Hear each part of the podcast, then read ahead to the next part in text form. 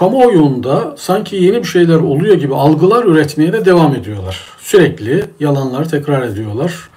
İşte e, hukuk reformu veya e, yargı reformu diye bir şeyler söylemişlerdi 3-5 ay önce.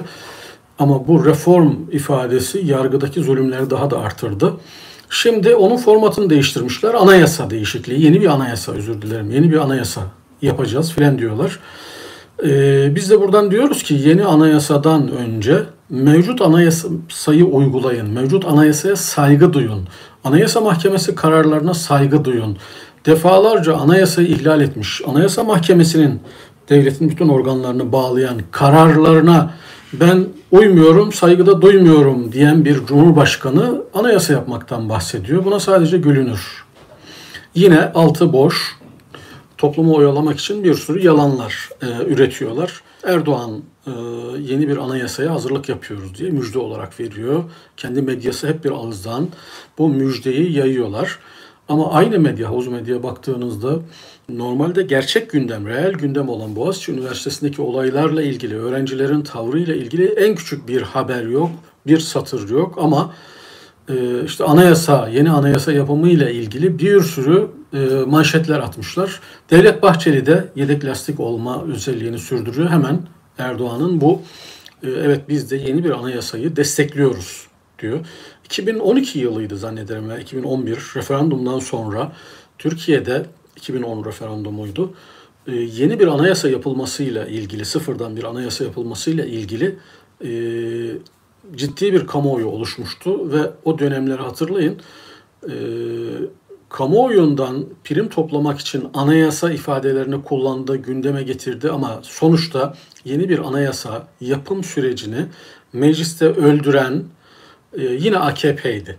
Şimdi tekrar insanlara umut vermek istiyor. Biz de bunu şunu diyoruz. Yani Türkiye'nin evet daha demokratik bir anayasa ihtiyacı var. Mevcut anayasa yamalı bohça. 1980 ihtilalinden kalma 82 yılında Kenan Evren ve onun komutanlarının kurduğu bir hukukçu heyet tarafından dikte edilerek hazırlanmış bir anayasa. Çok fazla revizyona uğradı.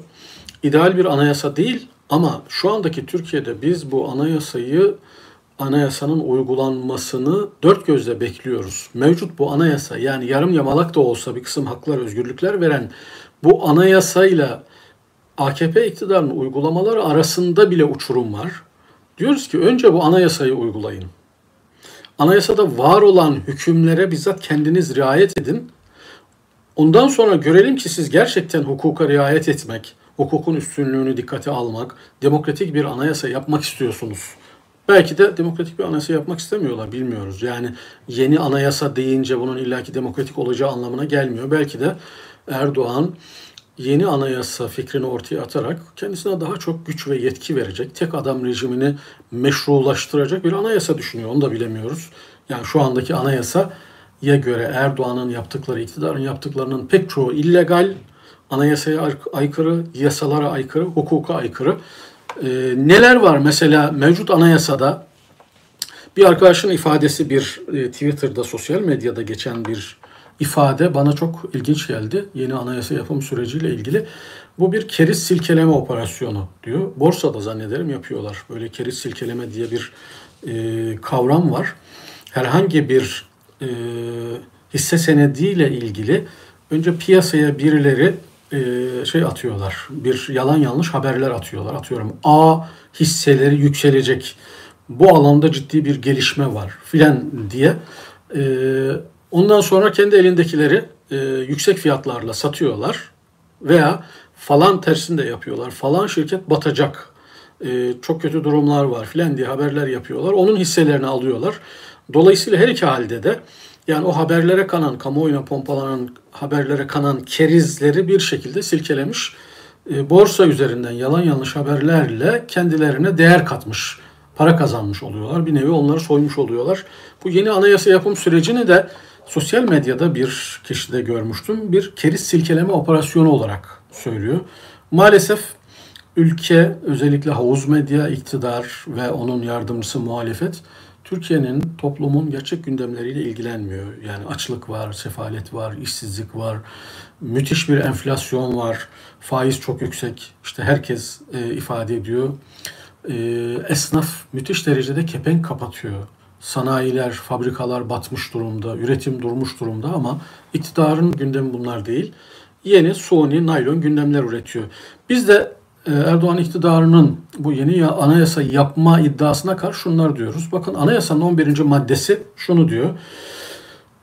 Anayasa hükümleri yasama, yürütme ve yargı organlarını, idare makamlarını ve diğer kuruluş ve kişileri bağlayan temel hukuk kurallarıdır diyor. Peki başta hükümet olmak üzere kurumlar anayasaya uyuyor mu? Hayır. Başta Erdoğan olmak üzere, bakanlar olmak üzere, İçişleri Bakanı olmak üzere kimse anayasaya uymuyor. Anayasanın en temel esaslarını ihlal ediyorlar. Anayasaya aykırılık iddiasında bulunan Anayasa Mahkemesi'ni de dikkate almıyorlar.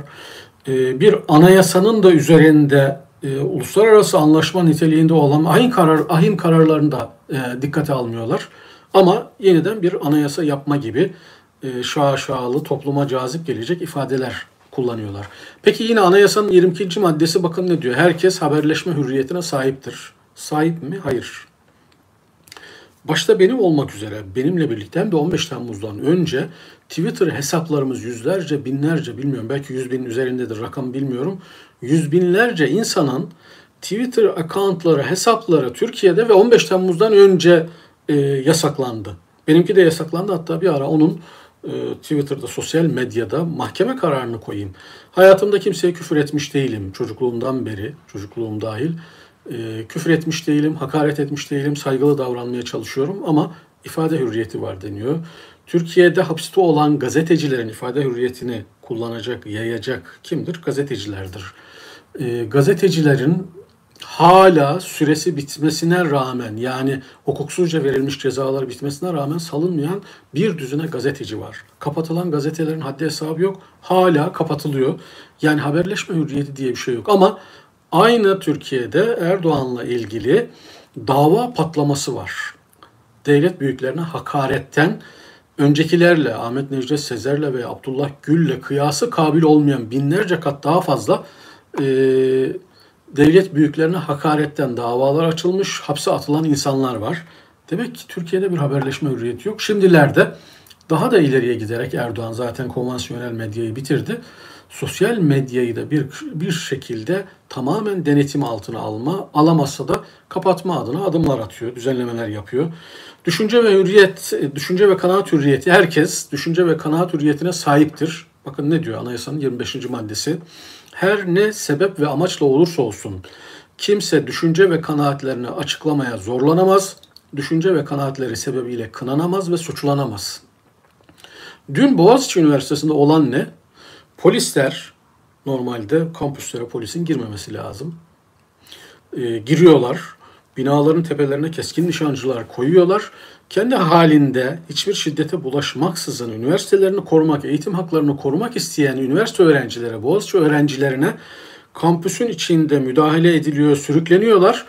Daha ötesi bırakın düşünce hürriyetini aşağı bak, yukarı bakma, sağına soluna bakma. Yani düşünce hürriyetinden vazgeçtik. Nereye bakıp nereye bakmayacağını ve bir de üniversite kampüsünde karar veren Bununla ilgili öğrencilere talimat veren eli silahlı polisler döneminden geçiyoruz. Düşünce hürriyetini filan geçtik. İnsanların en temel varlık hakları, yaşama hakları e, ihlal ediliyor. Kim tarafından? Bunlar koruması gereken güvenlik güçleri tarafından her hafta e, panel vanlarla, e, arabalarla, siyah gözlükler tarafından insanların kaçırıldığını ve haber alınamadığını görüyoruz düşünce ve ifade hürriyeti, kanaat hürriyeti şu andaki Türkiye'de çok lüks kalan şeyler.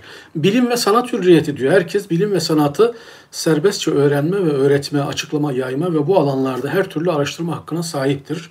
Öyle mi? Değil. Bugün Türkiye'deki bilimsel üretimlerin hepsi düşmüş durumda. Bırakın onu üniversiteler kapatılıyor. Bir gecede 16 üniversite kapatıldı. Hadi onlar muhalifti, kendinizce teröristti.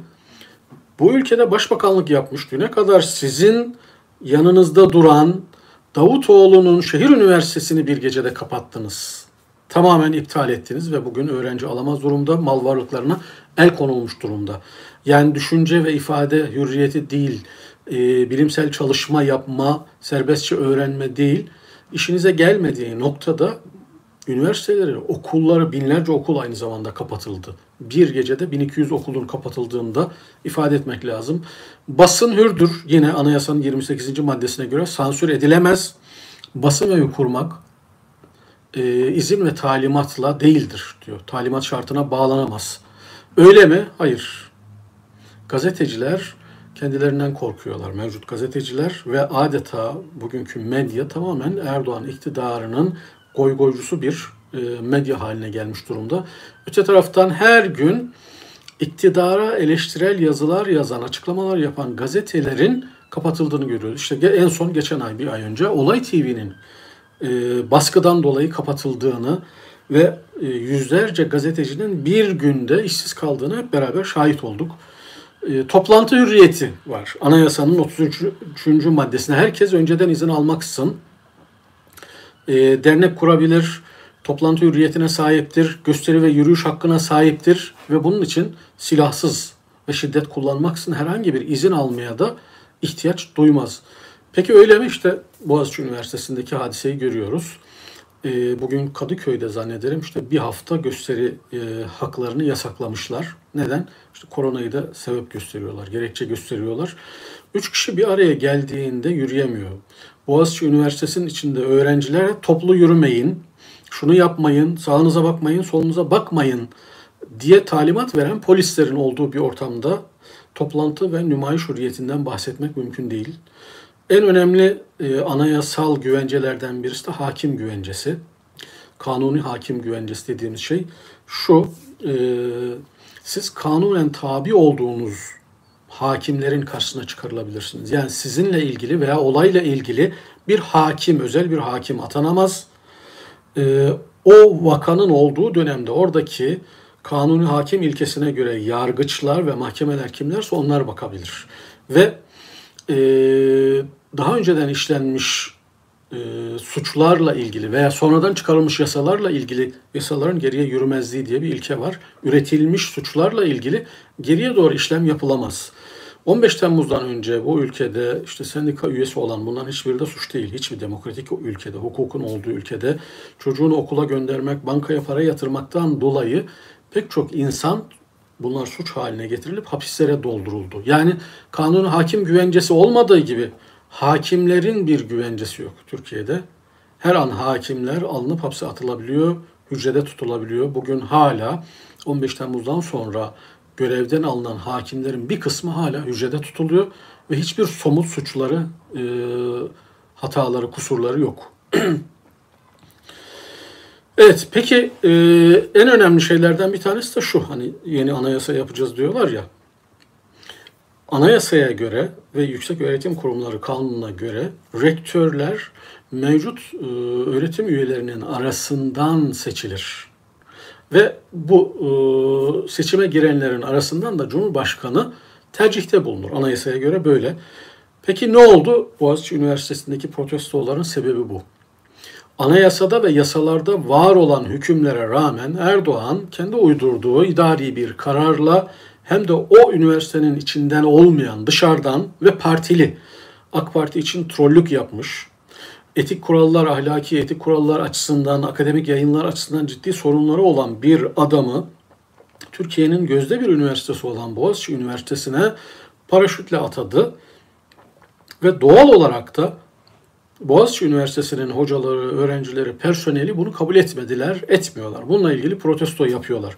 Tam da bunun olduğu yani bir ülkenin en gözde, en güzide üniversitesine anayasaya ve yasalara aykırı bir rektör, partili bir rektör atadığı bir dönemde Erdoğan'ın kalkıp AKP iktidarının ve ortağının yeni bir anayasa düşünüyoruz, özgürlükçü bir anayasa düşünüyoruz filan diye gündem oluşturması aymazlıktır, utanmazlıktır. Tamamen toplumu ahmak, aptal yerine koymaktan başka bir şey değildir.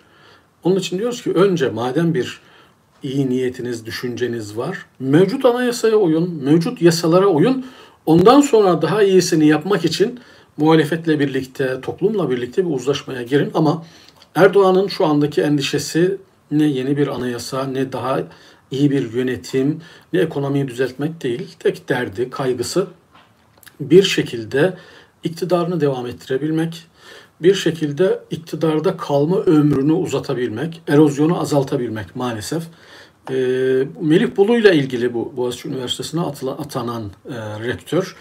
Bu adama da tabii acımak, merhamet etmek gerekiyor tırnak içinde. Yani bir şekilde e, paraşütle kondu.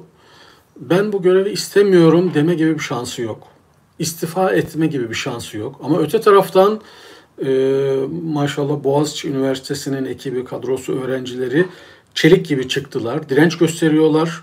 Biz bu hocayı kabul etmiyoruz, bu rektörü kabul etmiyoruz diyorlar. Rektör yardımcısı bile bulamadı kendisine. Personel bile bulamıyor. Ama Melih Bulu ben bu işe nereden girdim diye pişmanlık duysa bile istifa etme iradesine, ayrılma iradesine sahip değil. Yani yukarı tükürsen bıyık, aşağı tükürsen sakal misali. İşte bu bile tek başına, başlı başına yani Türkiye'deki akademiyenin, akademiyanın, hocaların, üniversitelerin ne hale getirildiğinin, nasıl perişan edildiğinin, nasıl itibarsızlaştırıldığının emir eri, e, emir kulu haline getirildiğinin e, önemli göstergelerinden bir tanesi. Peki bu neden oluyor? Yani anayasamız var, iyi kötü. E, kabul edilebilir eğer uygulansa kabul edilebilir bir anayasa. Evet tadile muhtaç, daha iyiye götürülmeye muhtaç ama bu bile uygulanmıyor. E, bir de tabii bizim anayasamızda şunu da görmek lazım. Bu tür maddelerin Kenan Evren'in bu e, hediyesidir bizim anayasamıza her mesela maddenin arkasından işte gösteri ve nümayiş hakkı engellenemez. Kim hiç kimse dernek kurmak için izin almak zorunda değildir filan gibi bir sürü özgürlükle ilgili maddeler var ama diye başlayan kelimeler olur. O amadan sonra şu gelir genelde tamamen muğlak, müphem, her yere sündürülebilir. Devletin iç ve dış güvenliğini, ülkesi ve milletiyle bölünmez bütünlüğünü tehdit etmesi durumunda yukarıda sayılan o maddeler, özgürlükler, dernekleşme özgürlüğü, nümayiş özgürlüğü, ifade hürriyeti, basın hürriyeti filan bunların hepsini şu muğlak ifadelerle iptal edebilirsiniz. Bu da anayasanın içindeki en önemli tehditlerden bir şey, birisi. Eğer yapılacaksa bu muğlak ifadelerin öncelikle kaldırılması lazım anayasalar, anayasadan. Yani her türlü temel hakkı muğlak, müphem ne olduğu belli olmayan her iktidarın kendine göre sündürebileceği iç ve güven, devletin iç ve dış güvenliğini tehdit ülkesi ve milletiyle bölünmez bütünlüğünü tehdit. Bunların somut hale getirilmesi lazım. Suçlar yasalarda somut olarak belirtilmelidir suç varsa. Ama temel hak ve özgürlükler, en temel özgürlükler, kişi hak ve özgürlükleri e, bu muğlak ifadelerle e, engellenebiliyor. Devlete tehdit oluşturduğun, iç güvenliğe tehdit oluşturduğun, milletin bölünmez bütünlüğüne tehdit oluşturduğun gibi sebeplerle senin en temel haklarını engelleyebiliyorlar. E, icra etmene, e, o hakkı kullanmana mani olabiliyorlar. Yapılacaksa öncelikle bunun yapılması lazım. Yani temel hak ve özgürlüklerin arkasındaki bu amadan sonra devam eden sündürmeye müsait ifadelerin kaldırılması veya daha somut hale getirilmesi lazım.